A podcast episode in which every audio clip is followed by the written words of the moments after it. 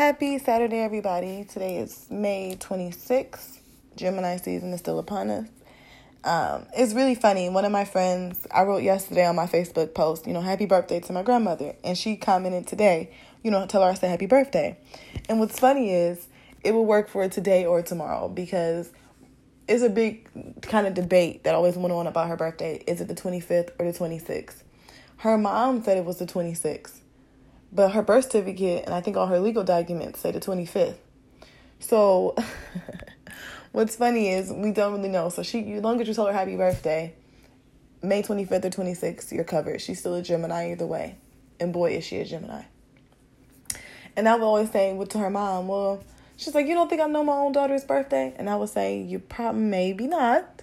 You know, you do have a lot of nieces and nephews, like at least 20 or 30. Like her one sister had 12 kids, just her and her husband, and then her other sister had about seven. You know, so all of her brothers and sisters had children. So she would get her nieces and nephews. Oftentimes, their birthdays confused with everybody else's. It was a lot of a lot of everybody. You know, they're from the south. Big families were a part of it. But um, you know, I just started my day off on Saturday. I was listening to a lot of Kid Cudi. I like a lot of his interviews. Not just that he's from Cleveland. Shout out to Kid Cudi. You know, not not just because he's from Cleveland, but his perspective on kind of this lonely feeling, this this this his his his take on depression, I must say, is is is to die for. Because I want to say maybe to you know that's the saying to die for. I, I appreciate it because it gives it a real voice. You know, especially in the black community. I feel like if you struggle with any type of personality traits or personality disorder is oftentimes just overlooked as you know like i was watching this michael McCrudden um, this after they were famous by michael McCrudden. I think that's how you say his last name. Canadian guy on youtube.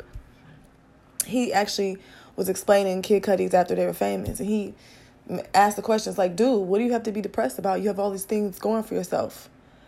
And that's the problem. Like people think because you have money or fame or so-called success that that lonely feeling just disappears. And i like that kid cudi gives it a real voice you know because especially in the black community because i feel like with us it's so looked over it's so forgotten it's so you know oh this person just wants attention this person just wants this. People who do self-harm like cutting who have like these borderline personality disorder or these borderline personality disorder traits you know, your hierarchy of need will long for what they what you need. If your needs are never fulfilled as a child, you will long for it as an adult. So people, when they want to say it's attention seeking, like the fact that they see that you need attention and not, and they're kind of making fun of you about it is is really sad. You know, it's people are hurting really bad, and this this this stigma, this is is all around depression needs to go away, or just mental illness in general so I definitely want to do some segments on that. So I was definitely looking at Kid Cudi, um, just some of the things he was talking about about his depression and about his you know his anxiety in general. Because I feel like a lot of ways I've suffered from things and people didn't know I was suffering. You know, and it took for me to find people who, like my best friend Austin Williams from Detroit. Shout out to Austin. He really realized I was suffering as a psychology major because the way I was suffering looked didn't look like pain. It didn't look like pain. You know, I came from at this point I came from this middle class background and I had these seemingly nice things. I had a really good life. And so people didn't understand what what this empty hole was in the middle of me. I didn't understand it. So sometimes I still suffer from that. But I like to think I manage my symptoms like a person with diabetes. You can manage diabetes through diet and exercise. You can manage your anxiety whatever personality disorders or personality traits that you have from certain disorders. You might not have the full personality disorder like borderline, but you might have traits that are that that that um that that borderline people who suffer from borderline personality disorder have. And that's important too. So I was doing some research about that, you know, hanging out, just I'm just writing some stuff and you know, cooking up some stuff for my next couple of episodes. And I, you know, I, I um also was looking at Kinsey, the guy who made the Kinsey scale. He did a lot of, he did most of his research in Indiana, the Midwest. It's a huge pedophile and, and rape culture in the Midwest that I want to talk more about because this guy's legacy is known for like doing this these all this great research on sexuality and sexual orientation all these things it's covered by a painful to me pedophile past, and I want to uncover it more. Because if we're gonna talk about Mute R. Kelly, let's talk about the bigger overall picture. Because R. Kelly's from the Midwest, Hugh Hefner's from the Midwest, Kinsey's from the Midwest. A lot of these exploitative people are from the Midwest. Charles Pugh, who my best friend Austin was one of his victims, was from the, from Detroit. You know, Aaliyah's from Detroit. She was a victim, one of R. Kelly's most public victims. You know, and she was, and people tried to blackball her and all type of things. So I, I this is kind of the next episode that I want to, you know, explore more. I want to explore it, and I want to explore the mental health around this and why people are so afraid to talk about pedophilia and all these other things, especially black people. Most of my focus is on black folks because we've been hurting for a long time and nobody seems no one seems to care. If white kids were doing the things that we, that we were doing in our neighborhoods to show pain and suffering, people with the government would come in and give these kids all the help they can find. You know, they would put every school psychologist, whatever, in these cities helping people. But it's just when it's us, it's it's when it's us, no one seems to care as much.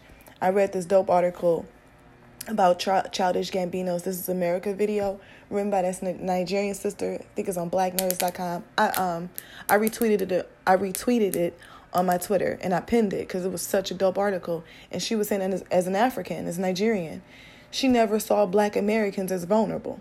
You know, she's like, the media drives this wedge between all of us where we think that you guys are inherently lazy and things like that too. Like, we didn't understand. And the same with black Americans about Africans. Africa is a continent, we have this really negative stigma and negative stereotypes of Africans. And it's changing with the digital era. So I kind of want to, these were some just things I'm cooking up, right? Some episodes I'm thinking about. I'm writing things down, making notes, or I'm typing them in my iPad, whatever the doorbell rings, right? I go down and I go to open up the door, and there's some Jehovah Witnesses. I tell them I'm Muslim, but I haven't. My mother, my mother converted to Islam when she was what 16 or 17. I haven't been a practicing Muslim um, since I was a kid, but I was more viewing my mother's religion. But I did get a lot from Islam. I got a lot from Jesus as well. I grew up. My great grandmother was Baptist, so I grew up with a lot of religion in my life. But um, Jehovah Witnesses to me are interesting. I have some cousins that are witnesses, and Katherine Jackson, Michael Jackson's mom, was a Jehovah Witness.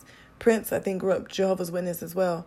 So I find their um, religion to be very interesting because the morals I feel like that a lot of Jehovah Witnesses have, I respect.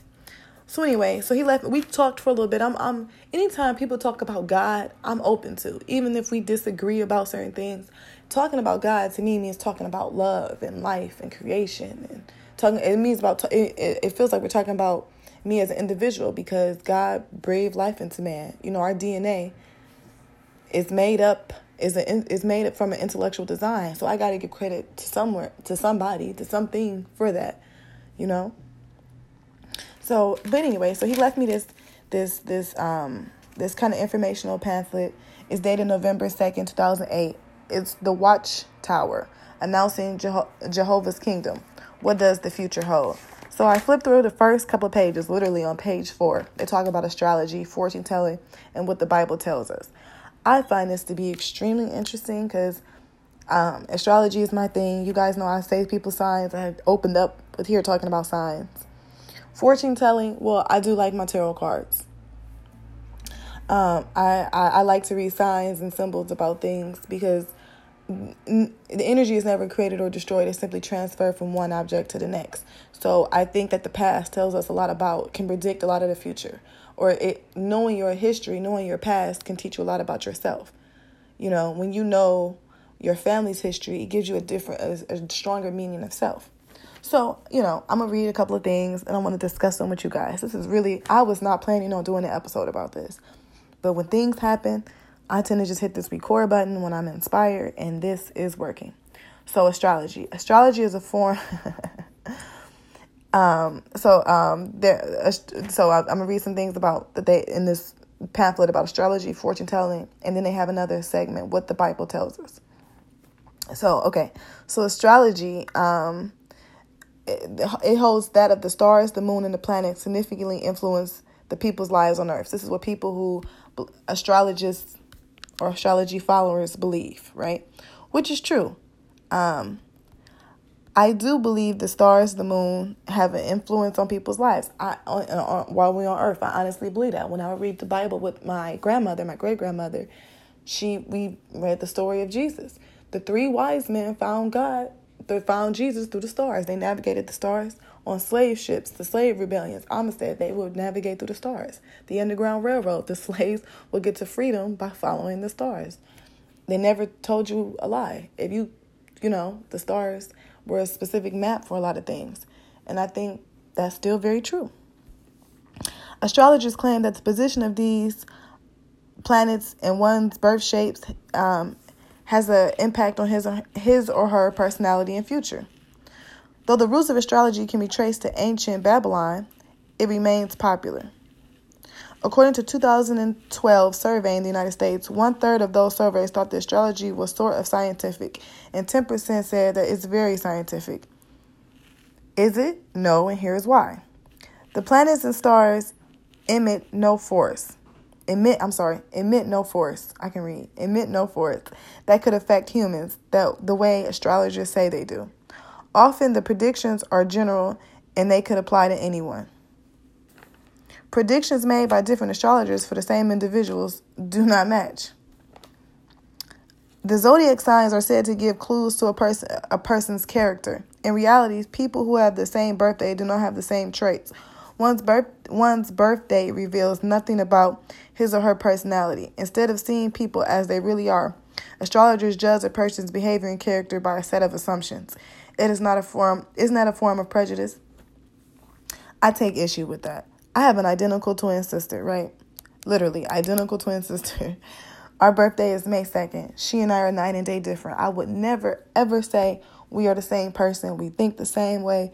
Never. However, she and I have key characteristic character traits that clearly cannot be, you know, that just it's like saying certain people from certain neighborhoods act a certain way. Do all people act that way? No. It's giving you a general overview, right? Like when I'm in Detroit, the east side versus the west side. Completely different culture. People know what to expect on the west side, people know what to expect from the east side. It doesn't mean that that's bread that's that's set in stone their experience. No. They're just telling you certain characteristics about this part of of Detroit. That's like certain farmers, right? All farmers don't farm the same crops because they don't have the same type of land. Okay. But I, I find this interesting. Fortune teller. From ancient times, people have consulted fortune tellers. Some pra- practitioners look for meaning in, meaning in such things as animals and or humans. Others uh, made projections based on patterns in tea leaves or coffee grinds, which is okay. Now, to see some of this gets a little bit rude because that's not. I mean, if you're going to say what people are doing, I think it should be better. This should be more researched. My personal opinion. Okay, today the use of tarot cards, crystal tarot, car, tarot cards, crystal balls, dice, and other means to read a person's future. Is fortune telling a reliable way to discern the future? No, it's not. Let us reason on that matter. Okay, anyone who reads tarot cards, okay, I have tarot cards. You guys, I posted on my Instagram, and I was really hesitant to do so because of um, thoughts like this. I didn't want people to think I was devil worshiping or in some way trying to predict my future. What tarot cards get me to do is just to understand more the energy around me. Okay? They do not pick the lottery, winning lottery numbers. I won't see anything like that. Um, for instance, like if I'm in a relationship or something, or I'm in a situation just with other people, a working relationship, not necessarily a romantic one, it can just tell me about the energy that's around me. Because it's in my subconscious and things anyway. And I feel like what tarot cards do is just help you to bring things to your awareness. My own personal opinion. Okay. So then, and then it. So here's the reason they the the reasons they give us on why this is this is not a good way to, like, think or these are not good practices. Consider the issue of consistency. The predictions of the predictions of different fortune telling methods often contradict one another. Even when the same method is used, forecasts vary. For example, if a person asks a fortune teller the same question about the future based on a reading of the same cards, logically the answers could be the same, but are often not. Okay, in most people will tell you the future is very subjective because man, I feel like man, mankind, human beings, have free will, right? we have free will. We have free will to make choices. God gave us free will. So, yes, my future to some people always looked really bright, right? I went to college, did all these things. So people did have an expectation or an assumption that I'll be doing something other than maker than making anchor podcast in the back room in my grandmother's house. But that's what I'm doing right now. You know, people thought I'd be making $100,000 at some high fancy job. They thought I'll still be at Quicken Loans working for Dan Gilbert, making money there or something like that. They thought I would be doing something other than this. But because I have free will, when I went into the workforce and saw all the racism and sexism, and uh, and to me it looked like slavery, corporate slavery. You just you're getting paid.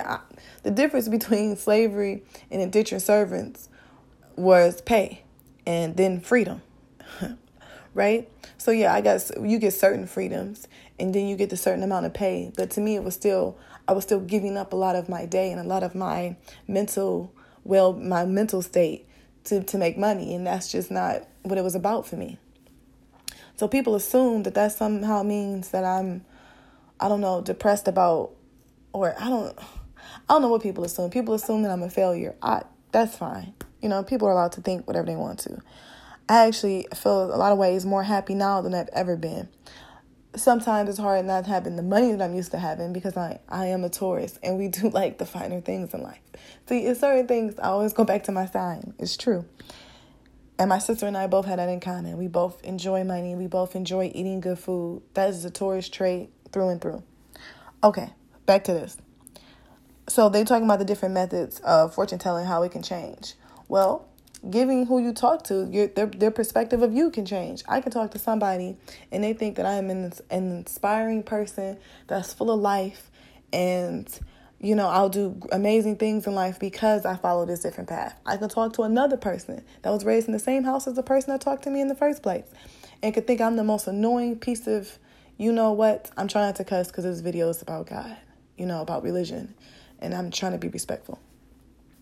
But they could, you know, they could think just that I'm ratchet, annoying, I'm I argue and yell and whatever too much, that's fine. They don't see this passionate, they don't see it as anything, and that's their interpretation. And I asked and you I usually don't ask people for their opinion, but with fortune tellers and things like this or tarot card readers, you go to them seeking advice. So if I ask you for your advice and this is what you give me, I have to accept it or not. That's up to me. Okay. So so the fortune teller, um, they're they're basically saying are people who take credit for all these other things, and I do think a lot of people are phonies out here. They really don't understand the energy that they're cultivating.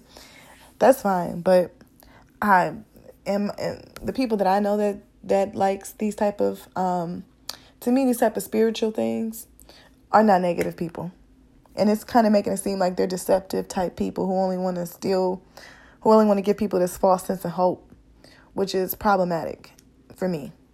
But I do understand why some people do feel like that.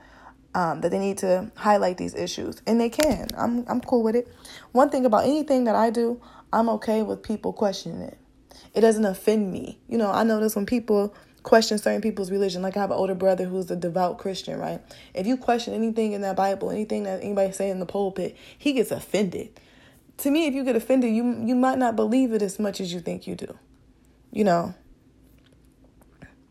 like I realized when I would get offended by a lot of racist comments, it's because in a lot of ways I didn't want white people saying that about black people because some of the black people I knew know act that way, right? But then I realized they act that way because of systematic oppression in a lot of ways. It feeds a circular conversation. So it doesn't offend me as much anymore. It, it only offends me, I feel like, when people don't want to listen. They only want to tell you their perspective. Then I get offended because it's like, do you know any black people to say this? The people that you met at the soup kitchen that you volunteer at, you know, for people with drug problems and things. Of course, they're going to kind of fall under under a certain umbrella, and it's and it's and it's racist of you to put all people in that category, not in and not in their circumstances not be taken into account. But whatever. So next, my next point. I, I digress a lot, but I always bring it back. What the Bible tells us. The practice of astrology and fortune telling implies that our future is predetermined. I fundamentally I fundamentally believe that. I talked to my friend Austin about that. if you look at it, I, after writing programs and becoming a developer and getting better at developing, I'm still working on um, honing my skills. I think writing program is very similar to DNA.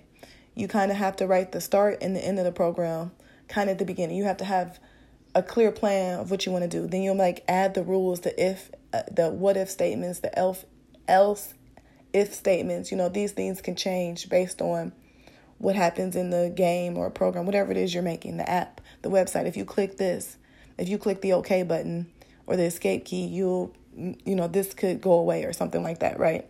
Same with DNA. If your DNA was made to do this, however, if you don't deal with your issues and you don't leave the house, you will not achieve these things that you were meant to achieve. I think, whatever. because I because I believe in DNA, I understand it's the intellectual design and DNA is all predetermined. My eye color was decided when I was in my mom's belly. My height, all those things were decided in my mom's belly.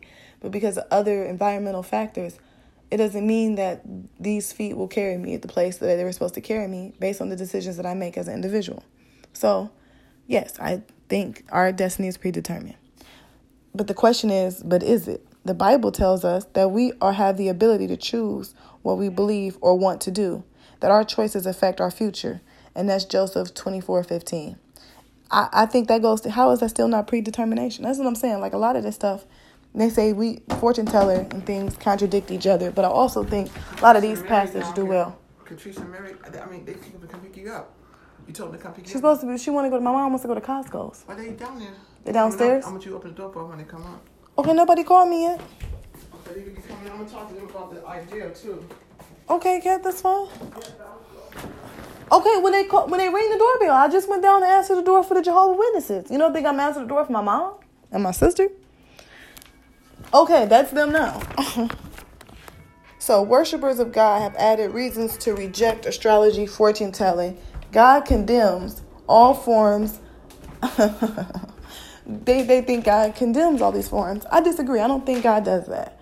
So let me uh, let me know what you guys think. Let me, you know, the religion talk is always interesting. But I'm about to open up the door and my mom's here. She's ready to go to Costco's. So you guys have a good day. Like, share, subscribe, all those good things. My links are in my bio. Check me out on Twitter, Instagram, catmark502. All right, this is me signing out.